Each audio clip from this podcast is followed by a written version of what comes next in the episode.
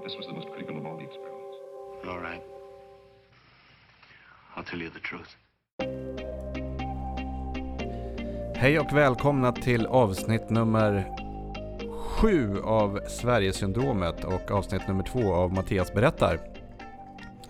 Det här avsnittet kommer att heta Mitt eh, goda hjärta. Eller egentligen borde det heta Min egen naivitet, men så blir det inte. Alltså det var ju så här, när i samband med att vi öppnade upp eh, första anläggningen då, eller min första anläggning, så eh, blev jag överrumplad. Jag varit överväldigad av de asylsökande. Eh, liksom, det väckte en väldigt stark vilja eh, hos mig att hjälpa till. Eh, och det här ledde till att jag blev nästan manisk i mitt arbete. Eh, egentligen det som jag blev varnad för innan, men om man är oförberedd på att det kommer människor med så starka livsöden som man också får ett ansvar för. Eh, och framförallt, jag är ganska inkännande. Ehm, och tar åt mig andra människors liksom, problem och, och sådär. Mm, då blir det ännu värre. Och mycket, en stor anledning till att jag gör den här podden Eh, och vill göra podden är eh, lite självterapi. De här åren har ju, som jag säkert sagt tidigare, gjort mig liksom mer cynisk och mer arg och mer eh, eh, konfrontationsbenägen. Eh, vid den här tidpunkten var jag inte det, men det kommer liksom att utväxlas under, under åren. Och jag tror att det, det är nödvändigt att börja, eh, börja ur eh, Eh, mitt eget goda hjärta helt enkelt. Och det jag stod alltså med ansvar för 180 personer som kommer eh, som asylsökande till Sverige med massa problem. Jag sögs in i, i deras livsöden väldigt snabbt. Eh, och alla, alla ville ju någonting hela tiden. Man ville ha sitt ärende gjort först. Det, det var det var många saker. Alla, det var många som kom med skador och trauman och, och man behövde tandvård och det fanns sjukdomar. Liksom, eh, antingen sådana sjukdomar som man hade med sig av eh, liksom, läkarbedömningskaraktär. Eller bara att man helt enkelt hade feber. Eh, så, och, och behövde få det hanterat. Men allting för de som kom här var akut hela tiden. Och det påverkade ju vårt sätt att arbeta. Ehm, men det gjorde att vi inte fick vara i fred. Allting rullade på eh, liksom i en väldigt hög takt. Ehm, och bara att inte få vara i fred och, och mötas av alla de här små småsakerna hela tiden gör att man väldigt snabbt blir överbelastad. Det här var, jag gjorde jour, alltså jag sov på anläggningen tre, fyra nätter i veckan första tiden. Vilket gjorde att man var belastad liksom sju till midnatt och, och väckt på nätterna av, av, av saker eh, som hände då. Vilket påverkade åtminstone mitt allmäntillstånd då. Och vi hade en reception där vi hade långa listor över liksom alla måsten som de asylsökande kom till oss med. Och jag hade inte lärt mig, eller jag hade inte lärt mig att säga ifrån. För just det här med måsten. Vi fick höra eh, ofta I must have this. I must, you must do this for me. I must have this. Vi var väldigt tydliga med för att kunna hantera alla förfrågningar med att You must nothing. You need or you want. But you never must. Det är just det här att vi måste inte alls göra det här nu. Utan vi... Eh, det är någonting som du behöver, någonting som du vill ha gjort. För att vi skulle kunna hantera alla måsten. Och i och med att ingen ville vänta och tidsperspektivet var lite märkligt. Eller tidsperspektivet för de som bodde där var ju att allt var akut.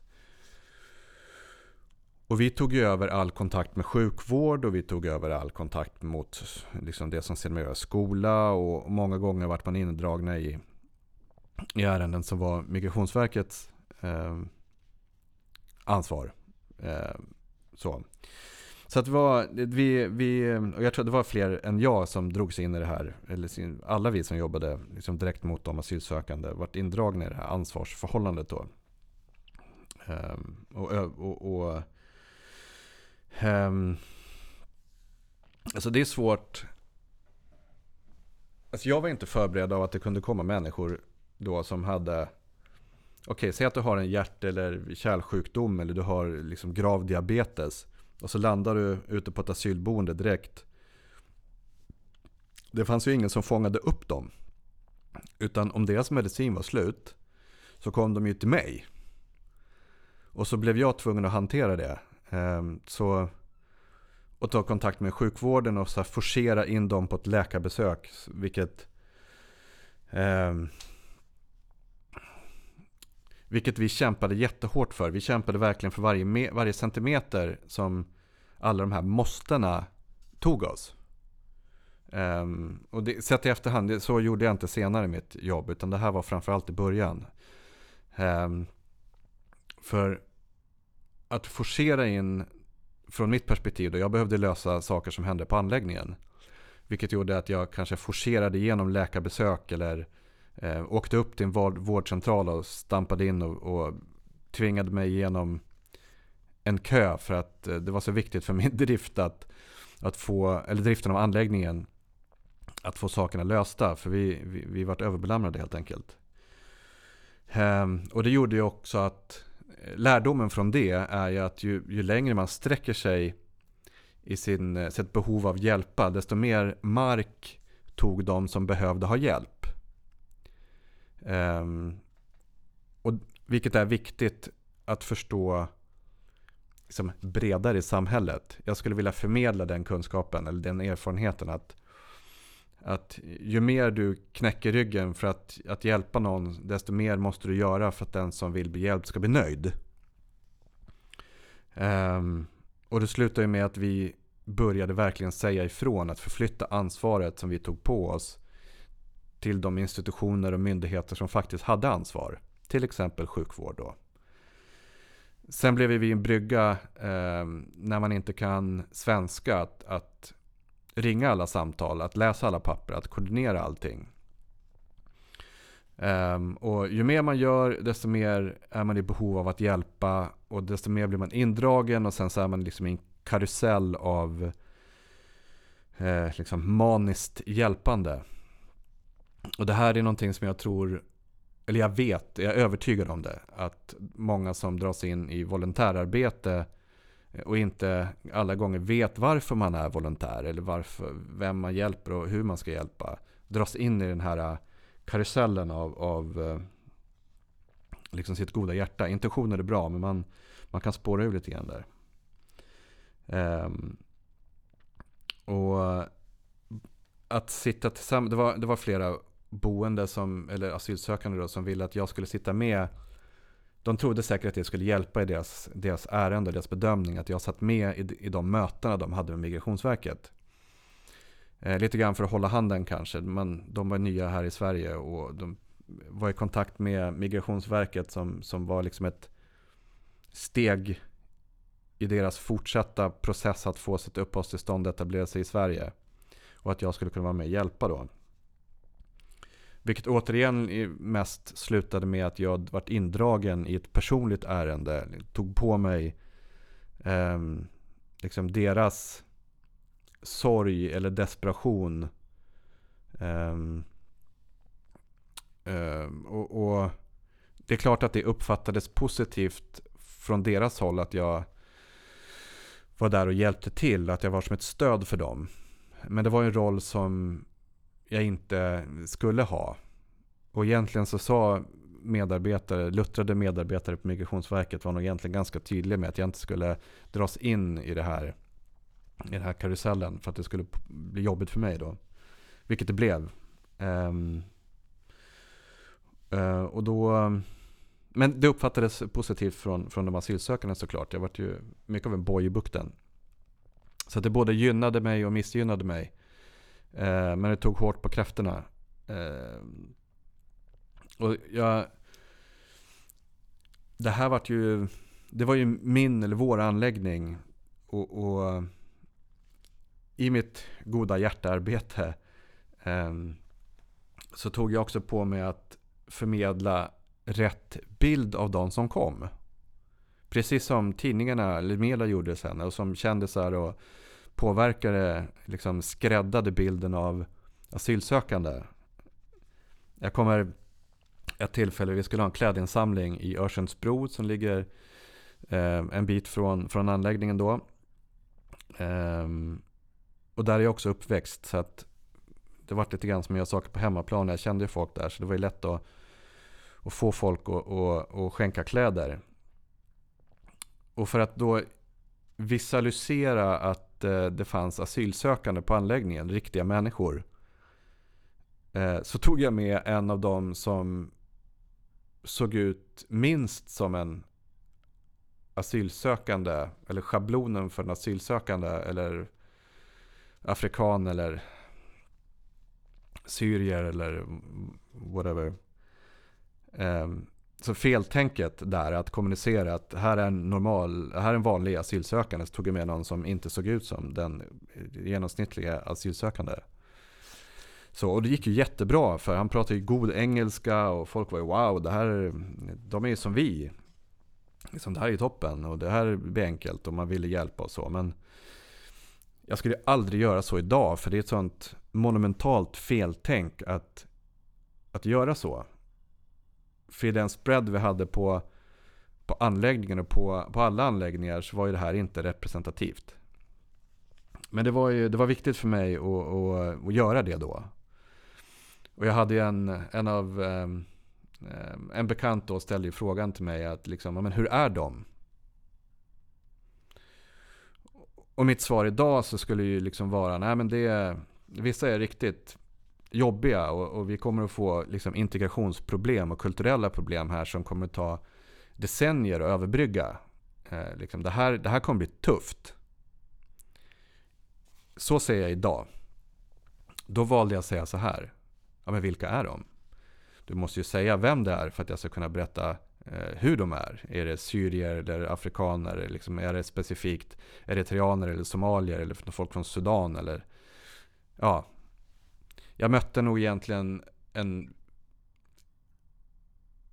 en välställd fråga med ett väldigt, eh, med vad jag tycker är ett felaktigt svar.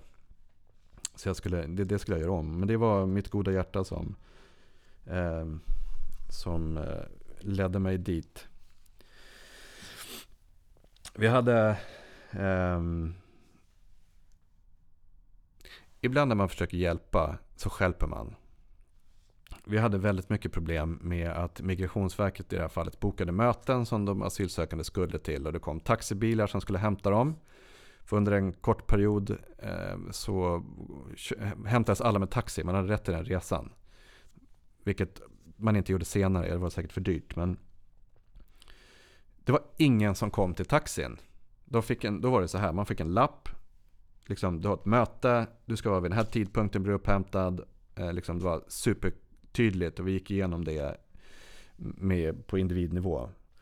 Men det var i princip aldrig någon där. Så vi fick alltid gå och hämta folk på rummet som kanske låg och sov eller som hade bara lagt lappen. Liksom, egenansvaret var helt... Det fanns inte. Idag, senare i, i processen så valde vi att eh, liksom, you snooze you lose. Är du inte där i tid, ja men skyll dig själv. Då har du missat din chans. Det som vi gjorde då, eller som jag liksom engagerade mig enormt i, var att verkligen gå och banka på dörren och, och få upp folk och komma i tid. Istället för att lära dem att, eh, att eh, i Sverige så är tidpassning otroligt viktigt och konsekvensen är att du missar någonting viktigt. Eh, och det har jag tagit med mig om att man måste, vi måste visa konsekvenserna av ett felbeteende för att kunna liksom, få en person att åtgärda det. För sin egen skull. Eh, nu var ju exemplet enkelt för att man liksom missat möte. Man, man kom inte med en taxi eller med en buss eller något liknande. Men förlägg det här i en större diskussion så, så eh, är det ju liksom på något sätt en samhällskonsekvens. Så att det, man måste låta människor ta sitt eget ansvar. Det är väldigt, väldigt viktigt. Eh, och det är lätt att, att, säga att det borde du ju fattat. Men jag gjorde inte det då, för jag var ju fullt, hade ju fullt upp med att um, hjälpa, helt enkelt. Och det behovet av att hjälpa kan överskugga väldigt, väldigt mycket.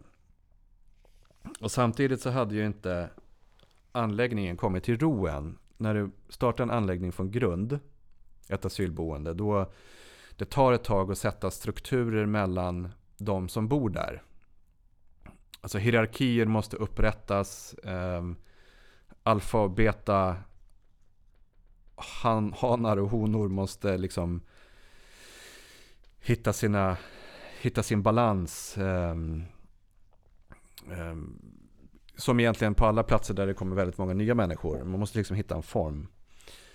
Um, och då var det, det var våra mål, det var alltid kaos vid våra måltider. Dels för att man, det inte gick att köa. Man var ju rädd att maten skulle ta slut och det var kaos. Och, eh, vilket gjorde att vi, vi fick arbeta liksom kreativt med olika lappar. För vi insåg ju snabbt att vi kände ju inte igen alla från början, vilket nyttjades snabbt. Så om, person, eh, eh, om en person kom in och käkade sin mat så kunde han gå och ställa sig sist i kön en halvtimme senare och äta en gång till. För att vi kände inte igen dem än. Det här var ju början, vi hade liksom inte eh, lärt oss det. Och så fick det konsekvensen att maten tog slut och så var det någon som inte fick mat och så var det kaos.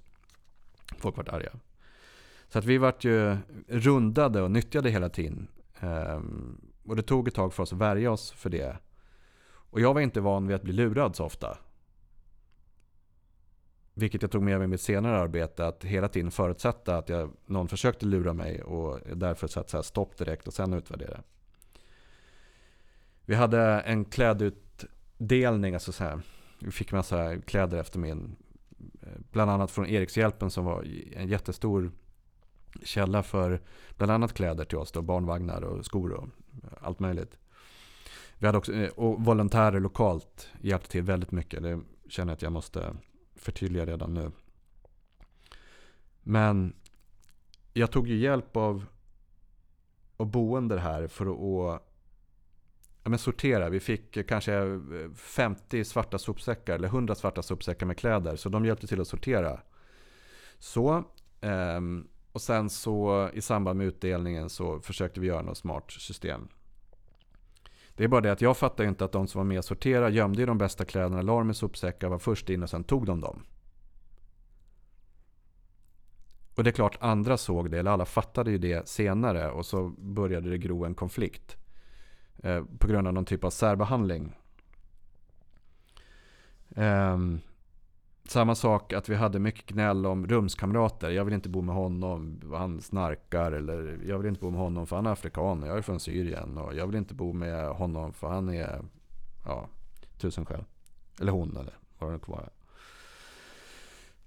Um, och vi försökte ju så här snällt möta, um, möta deras frågor genom att hjälpa till och så fick vi fler frågor och så var det, upptäckte man att man kunde få en lucka, vi kunde rucka på saker och sen så blev det ännu mer jobb.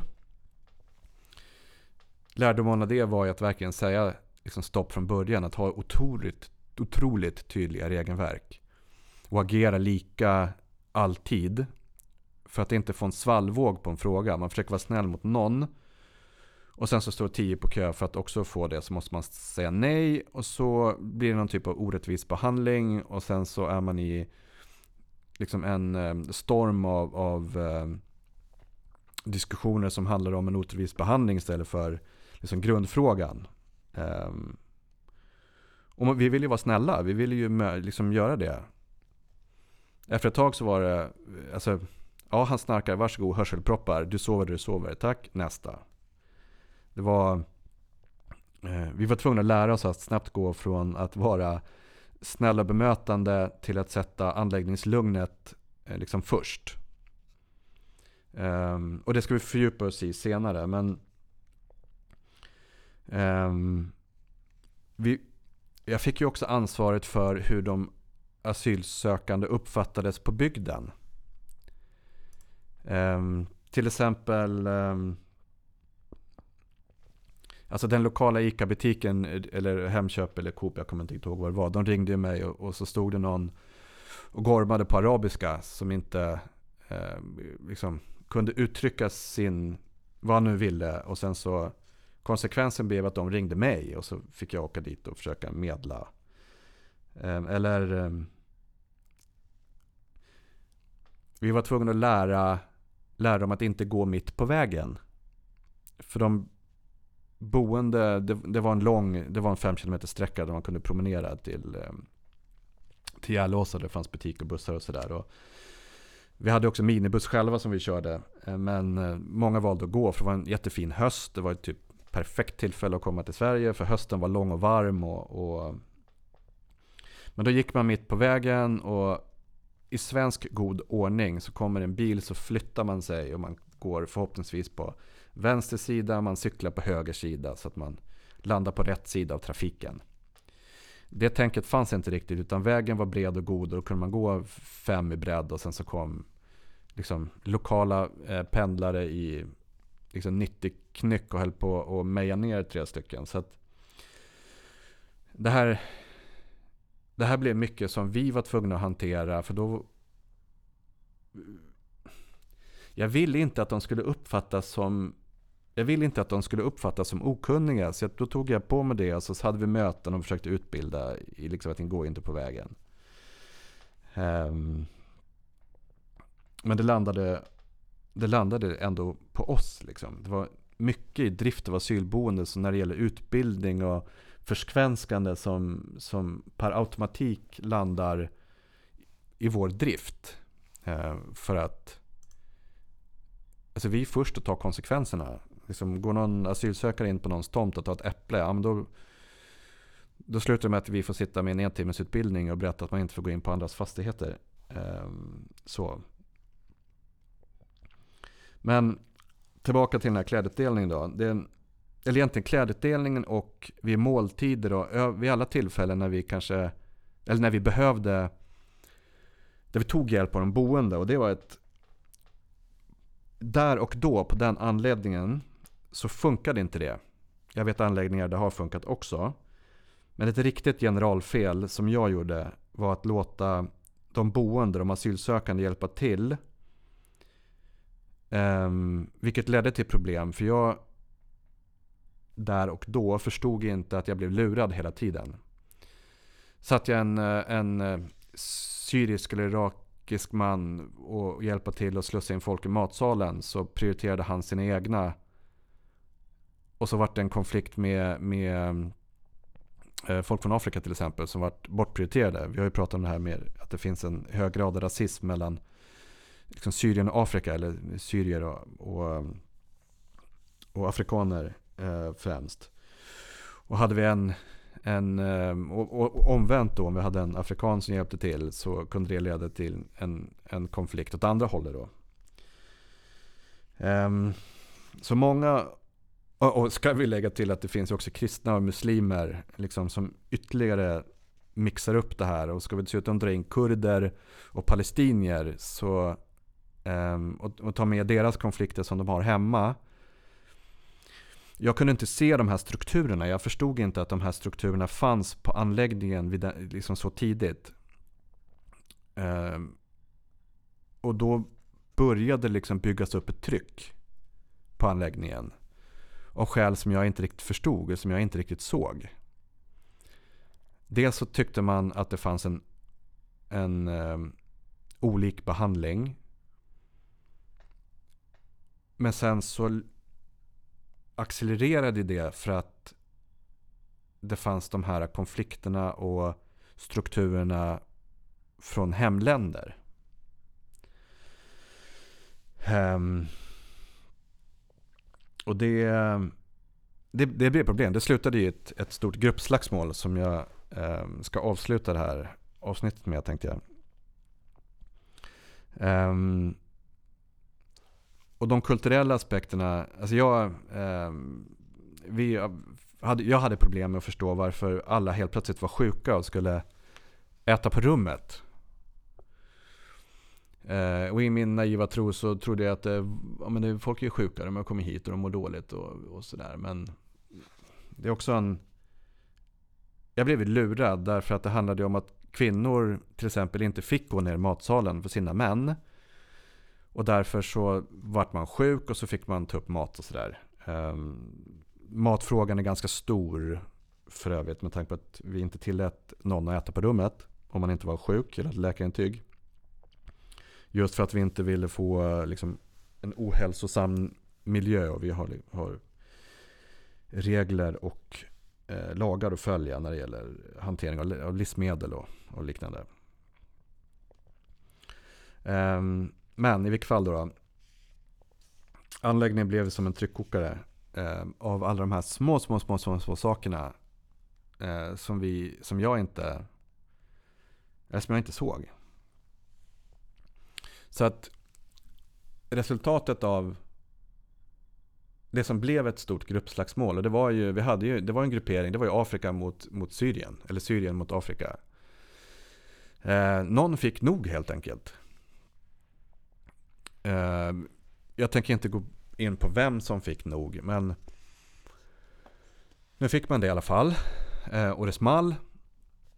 Eh, jag var ju inte på anläggningen eh, då. Jag var hemma för att jag hade legat på jour, jag haft jour i ett par dagar. Så att jag var hemma och, och skulle försöka umgås lite med familjen. Så min kollega var den som, som började hantera liksom ett gruppslagsmål som egentligen började tidigare på dagen. Liksom det vanliga gruff i matsalen. En, eh, någon kallade någon för hund på arabiska. Um, och sen så började liksom um, smågruffet ökade och ökade och ökade. Och sen så vart det slagsmål och det slängdes cyklar och... Alltså jag, jag hade varit med en hel... Alltså första eh, veckorna så var det... Eh, det var flera situationer som vart ganska hetsiga. Eh, och jag hade som en inställning att alltid försöka vara lugn. Att aldrig skrika, att aldrig knuffa någon, att liksom aldrig eskalera en situation. Så i normalfallet när, när främst araberna började skrika på varandra, för det var... Alltså afrikanerna var rätt softa. De, det var liksom inga direkta konflikter, utom när de verkligen vart... När de hade fått nog. Så att mellan de syriska grupperna så var det ofta eh, olika viljor och man skrek och vrålade och knuffade varandra. Jag stod alltid mitt i det där som en liksom, fast punkt och observerade. Och det hände aldrig mig någonting. Eh, så det, det, var liksom mitt val att, att ta lugnt. Så att jag var inte... Vi var aldrig oroliga för att vi skulle landa i, i, i bråk. Inte då i alla fall. Något år senare var det värre. Men, eh, men då var, det, det var som det var då. då. Eh, nu tappade jag fokus lite grann här. Eh, ja men sak samma. Och så vart det ju så vart det ju det här slagsmålet. Jag åkte till anläggningen och, och, och eh, det var en riktig hemsk natt där. Folk var ju väldigt upprörda och i och med att anläggningen hade känt av den här eh, tryckkokseffekten så, så vart det här en urladdning som de kanske gått och väntat lite grann på. Um, och det resulterade ju i att jag var tvungen att göra ett val. Jag var ju fortfarande i mitt goda hjärta här, så min vilja att utbilda och instruera i någon typ av svensk värdering och demokrati och sådär var ju The force was strong in me. Ehm, att göra det. Så då tänkte jag att nu måste jag verkligen sätta ner fötterna Eh, här. Vi måste ha lugn på anläggningen. Det här måste verkligen ta stopp. Och då tänkte jag, nu gör jag liksom en publik händelse av det här. Ehm, så när de kom tillbaka så, så mm, visste ju anläggningen att jag skulle ta in dem på ett enskilt möte i den här eh, församlingssalen. Då. För jag ville också att hela anläggningen skulle veta att jag var arg och att jag skulle hantera det här som den eh, camp manager som jag var där. Liksom bossarnas boss typ. Och så ställde jag upp dem och så tvingade de att skaka hand. Eh, ni som har lyssnat på tidigare avsnitt har redan hört det här, men jag, jag, går igenom det ändå. Det var viktigt för mig att de skulle titta varandra i ögonen, skaka varandra i hand, be varandra om ursäkt, hur långt in är det än satt. Av två skäl. Det ena för att jag verkligen liksom ville få en underskrift på att det här är, är över nu. Och det inte blir några längre repressalier. Det andra var ju också för att visa för dem att jag viker mig inte här. Utan jag är villig att löpa hela linan ut. För att jag är chef. Och här ska det vara lugnt. För allas säkerhet. Um, jag hade ju aldrig varit så offensiv i en, liksom en, på en svensk arbetsplats. Um, men det gick ju. De, det tog ju tid, men de lommade ut därifrån. Vi hade en stor innergård med en flaggstång och någon sån här gräsplätt. Eh, men det var en liten kulle då. Och så stod ju hela anläggningen där ute, de stod liksom på vägen ut. Eh, i, stämningen var tryckt. Och så gick jag först där som en... Eh, jag hade en stor nyckelklippa som hängde och dinglade och skrämde mig. Jag lät väl som en fångvaktare typ. Men, um, så gick jag där och lät och så ganska snabbt. För jag ville att de medvetet att de skulle stövla efter mig. Och så gick vi och ställde oss vid flaggstången och så sa jag till alla på engelska då att nu har eh, de bett varandra om ursäkt och det här utagerat. Det kommer inte hända igen. Och nu ska ni be anläggningen med ursäkt för jag tycker att ni har gjort eh, någonting väldigt dumt och det är allas angelägenhet att det blir lugnt nu. Jag vill inte ha något mer bråk. Och så gjorde de ju det. De bad anläggningen om ursäkt. Eh, de gick runt och pussade på kinder och kramades. Och, eh, den här upp... Det vart en sån urladdning som alla liksom rent fysiskt fick ta del av. Inte bara slagsmålet utan även liksom konsekvenserna av slagsmålet för dem personligen och att, att det här var en anläggningsangelägenhet. Det var inte bara mellan de två utan det här var viktigt för hela anläggningen. Um, och det gick bra. Alltså det var, de hade fest på kvällen. Det, här, det var också i samband med, med muslimska nyåret typ. Vilket gjorde att, att det var en bra timing. Eh, det hade jag ingenting med att göra. Det var en lyckträff, så att man ska säga. Um, så det var en bra kväll och, och, och liksom, motsättningarna fanns ju kvar efteråt också. De slut, man, man slutar inte tycka saker bara för att en sån här grej händer. Då. Men eh, det resulterade i att på anläggningen så visste nu alla vad som gällde.